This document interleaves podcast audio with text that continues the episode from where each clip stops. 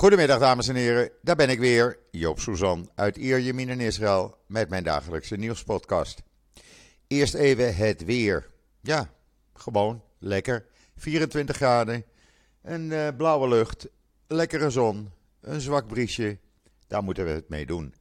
En uh, ja, dat blijft voorlopig zo. Het is het voorjaar zoals het voorjaar hoort te zijn. Dus ik hoop uh, in het weekend uh, ja, dat we lekker kunnen genieten, laat ik het zo maar zeggen. En dan het nieuws in Israël. Want opnieuw is Israël in rouw gedompeld. Gisteravond, mensen die mij volgen, die uh, weten het inmiddels wel. Een terreuraanslag in Benai Barak, waar een Israëlische Arabier uit Jenin het nodig vond met een M16 te gaan schieten op onschuldige burgers. Daar zijn uh, vijf mensen bij om het leven gekomen. Dat zijn uh, drie Israëli's uit. Uh, nee, dat zijn twee Israëli's uit uh, Barak. Een Israëlische Arabische politieagent. En twee Oekraïnse bouwvakkers die hier werkten. het is verschrikkelijk. Uh, als je ook leest, uh, politieagent, 32 jaar, die uh, trad in de voetsporen van zijn vader, die ruim 30 jaar bij de Israëlische politie heeft gediend. Zou binnenkort gaan trouwen. Komt als een van de eerste ter plaatse. wordt beschoten door de terrorist. en hij weet hem nog neer te schieten ook. Zijn collega heeft het afgemaakt later. En dan Jacob Shalom, 36 jaar, vader van vier kinderen uit Benai Barak. Die werd doodgeschoten terwijl hij in zijn auto reed. En dan Avishai Jezegel, 29 jaar. Laat een vrouw acht maanden zwanger achter en, twee, en een kind van twee. En waarom was hij op straat met zijn zoontje? Nou, dat was zo zijn gewoonte eventjes een avondwandelingetje, dan, zou dat, dan valt dat uh, zoontje van twee in slaap.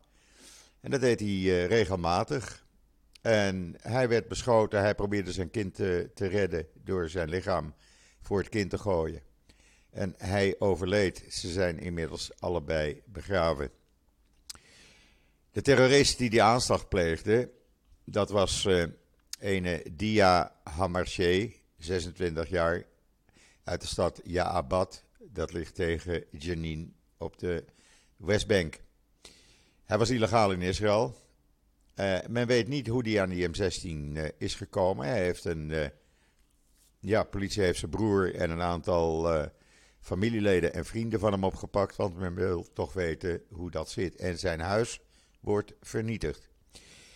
En dan ja, was het feest bij Hamas, bij Hezbollah bij Islamic Jihad en bij Fatah. En voor het huis van uh, de terrorist werd uh, ja, allerlei zoetigheden uitgedeeld. Uh, in Gaza snoep. Nou ja, ze vierden het uitbundig. Ik kom daar zo op terug. volgens Channel 13, de tv-zender hier, arriveerde de terrorist rond 8 uur per auto in Benai Barak op Jabotinsky Street. En begon hij in de wilde weg op voorbijgangers te schieten en op mensen die op balkon stonden. Want het is lekker weer. Uh, hij ging daarna met zijn M16 een supermarkt binnen. Uh, schiet daar uh, ook mensen neer. maar die wisten te ontsnappen. De schutter richtte vervolgens het geweer op iemand die op de fiets reed, maar miste. Ja, en toen op die auto waar de bestuurder dus bij omkwam. Toen ging hij naar Herzl Street, waar hij dus Jezekel uh, neerschoot, die zijn kind dus beschermde tegen het geweervoer. En toen kwamen die twee agenten dus aan uh, op een uh, politiemotor. En daar begon hij ook op te schieten, maar ja, door hen werd hij doodgeschoten. En de ene agent, Kouri, overleed in het ziekenhuis. Uh, eerder op de dag gisteren was Benny Gantz, minister van Defensie, in Ramallah bij uh, uh, Abbas. en wat opviel, dat Abbas gisteravond iets wat hij eigenlijk nooit gedaan heeft. Hij veroordeelde die aanslag. Wat ook opviel, was dat het Amerikaanse moslimcongreslid Ilhan, Ilhan Omar. Die veroordeelde die aanslag ook in een tweet. En dat heeft ze ook voorheen nooit gedaan. Uh, ja, in Benai Barak kwamen gisteravond natuurlijk uh, honderden mensen op straat. Die gingen demonstreren, schreeuwden dood aan de Arabieren. En inmiddels uh, is de situatie zo dat alle veiligheidsdiensten in de hoogste staat van paraatheid zijn gebracht. Premier Bennett heeft een verklaring uitgegeven. U kunt het allemaal lezen op israelnieuws.nl. waarin staat: Israël wordt geconfronteerd met een golf van moorddadig Arabisch terrorisme. Uh, na een periode van rust, zei Bennett, is er een gewelddadige uitbarsting van diegenen die ons willen vernietigen. Diegenen die, die ons tegen elke prijs willen kwetsen. Wiens haat tegen de Joden, tegen de staat Israël, hen tot waanzin drijft, aldus Bennett. Uh, ze zijn bereid om te sterven, zegt Bennett uh, erbij, zodat wij niet in vrede kunnen leven. Mijn hart gaat uit naar de families die de, deze avond hun dierbaren hebben verloren. En ik bid voor het herstel van de gewonden. We zullen het terrorisme bestrijden met volharding, toewijding en een ijzeren vuist. U kunt de video op uh, Israël Nieuws zien. Amos Harel, Harel in Haaretz, ik ben uh, ja, een van zijn bewonderaars, laat ik het zo maar zeggen. Die zegt. Uh, Waar die eerste twee aanslagen eigenlijk geïnstrueerd waren door ISIS, lijkt dit op een copycat uh, aanslag. Dus een loonwolf, een, een, eenzame terrorist, die het ook wel eens een keer wilde proberen. Uh, wat opvalt is dat de inlichtingendiensten geen voorafgaande waarschuwingen hadden ontvangen. Uh, en het lijkt er dus op, zegt Amos Harel, dat de terroristen, de veiligheidsdiensten, voorlopig nog even een stap voor zijn. En dat is een gevoel wat we in Israël niet kennen. Uh, het gevoel van persoonlijke veiligheid, dat is dus minder. En dat heeft een klap gekregen, zegt Harel. En daar ben ik het wel met hem eens. Meestal uh, zijn de veiligheidsdiensten, de Binnenlandse Veiligheidsdienst, Shin Bet, maar ook andere veiligheidsdiensten die hier werken in het land zijn goed geïnformeerd van wat er eventueel plaats zou kunnen vinden. Eh, zoals men nu voorbereid is op rellen, terreuraanslagen tijdens de Ramadan, die dit weekend begint. hij zegt: ja, krijgen we nog meer copycat aanvallen? Nou, die kans is niet uitgesloten. hij zegt ook: wie is degene geweest die deze terrorist naar Benai Barak heeft vervoerd. En wie heeft hem bewapend met die M16? Want dat is ook een, uh, een wapen wat je niet zomaar even in de supermarkt koopt. Ja, islamitische staten zijn gisteren al tien, dat tientallen Arabische Israëli's opgepakt. Waarvan men weet dat zij ja, bewonderaars, contacten, etc. met ISIS hebben. maar Israël, of de Shin had die terroristen van Beersheba en Gadera bijvoorbeeld al in het oog moeten houden. En dat hebben ze niet gedaan, terwijl ze een gevangenisstraf hadden uitgezeten. Uh, voor Amos lijkt het duidelijk dat Benai Barak gisteravond die terreuraanval een uh, copycat was. Een kopie, ja, wat mogelijk nog door anderen weer zal worden gedaan. Uh, de veiligheidsdiensten, ik zei het al, die zijn ja, uitgebreid. Er zijn nu in de steden veel meer politieagenten, vooral op drukke plaatsen. Er wordt gecontroleerd bij de ingang van steden. Er zijn extra eenheden van de IDF naar Judea en Samaria gezonden. Omdat men bang is dat daar ook aanslagen gaan plaatsvinden op nederzettingen. Ja, en dan kan je het toeval noemen of geen toeval. Maar die aanval in Gadera,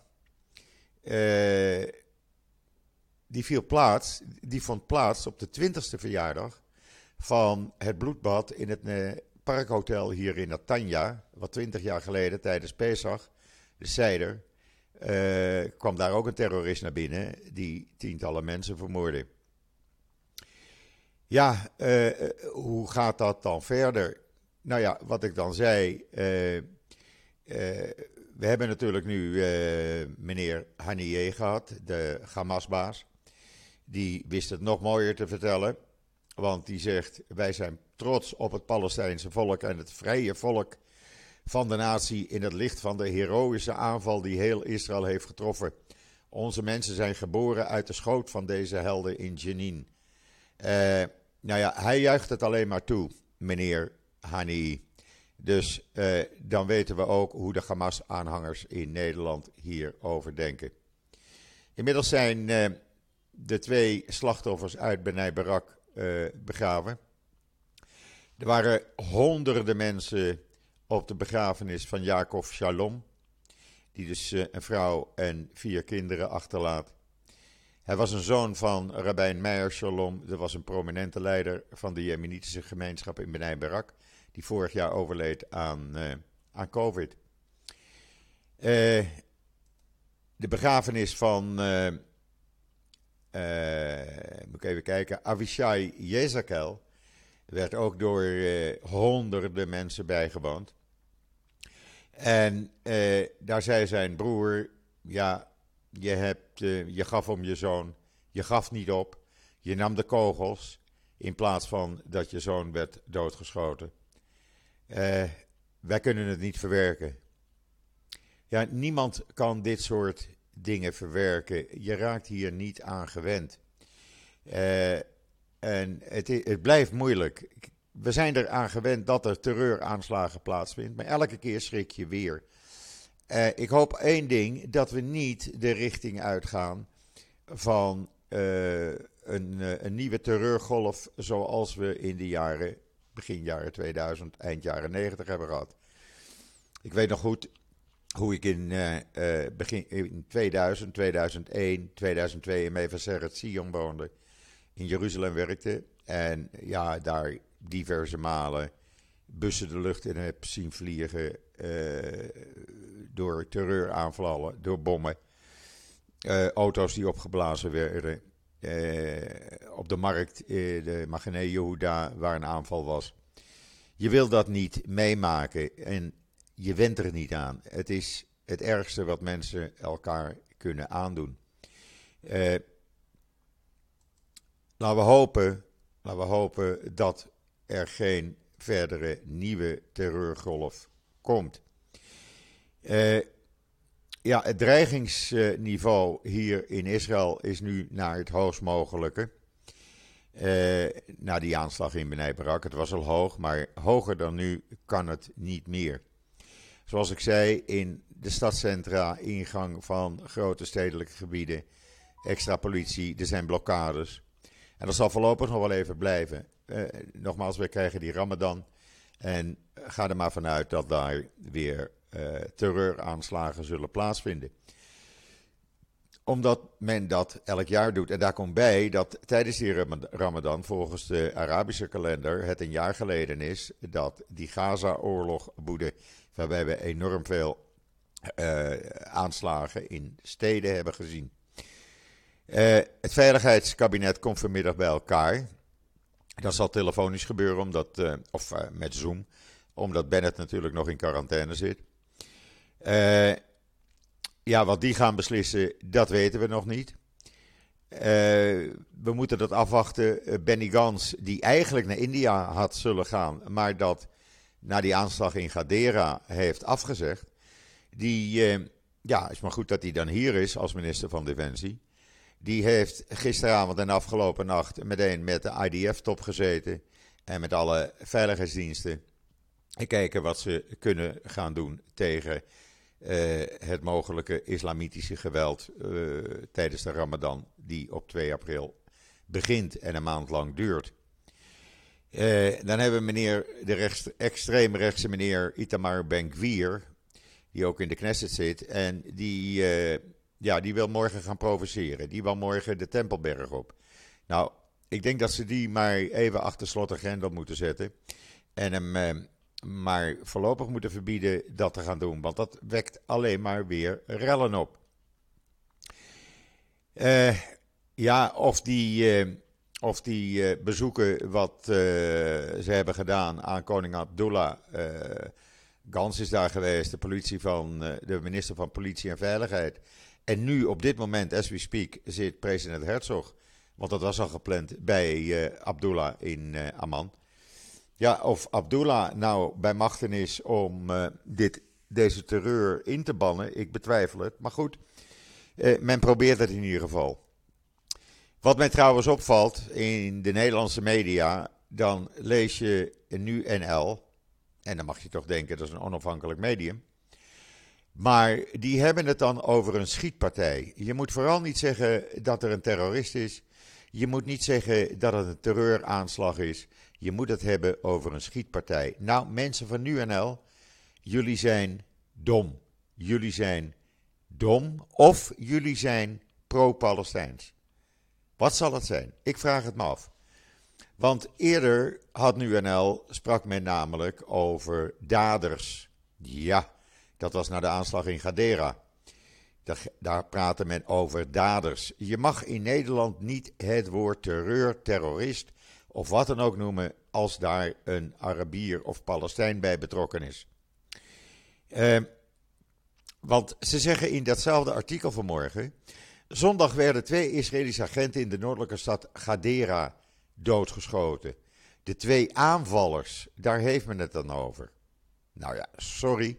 Het zijn terroristen en niets meer en niets minder mensen van NL.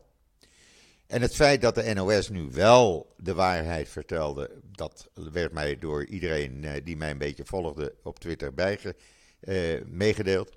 Maar zeggen ze Joop, er werd niet bijgezegd dat er ook snoepjes werden uitgedeeld om het te vieren.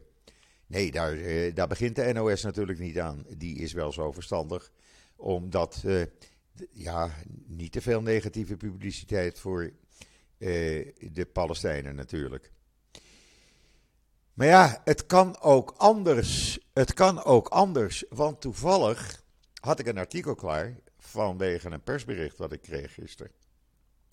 Dat de Verenigde Staten, de Emiraten en Israël gisteren een bijeenkomst hebben gehad. waarbij werd opgericht de trilaterale werkgroep religieuze coexistentie. En dat vond plaats in Dubai. En daar heeft men een ambitieuze agenda gelanceerd om de interreligieuze en interculturele dialoog te bevorderen en religieuze onverdraagzaamheid en haat tegen te gaan.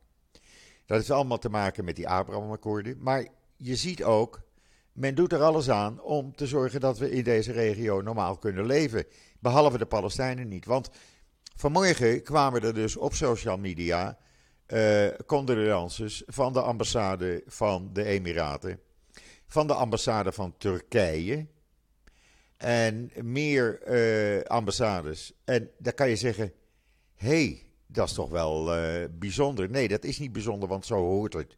En deze mensen willen geen terreur. En wat hebben we dan nog meer voor nieuws? Ja, nou, het COVID-virus.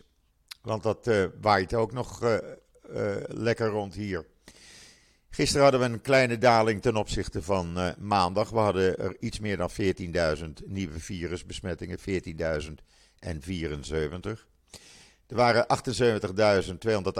78.288 mensen getest, 17,98% was dus besmet. Dat zijn er dus minder dan uh, op maandag. Uh, er zijn 72.088 actieve viruspatiënten in het land. Dat zijn er 3000 meer dan op maandag. Maar de meeste hebben gelukkig uh, of helemaal geen klachten of lichte tot milde klachten. In de ziekenhuizen ligt weer één mm, patiënt minder op de afdeling ernstig zieke viruspatiënten. Dat zijn er nu 272.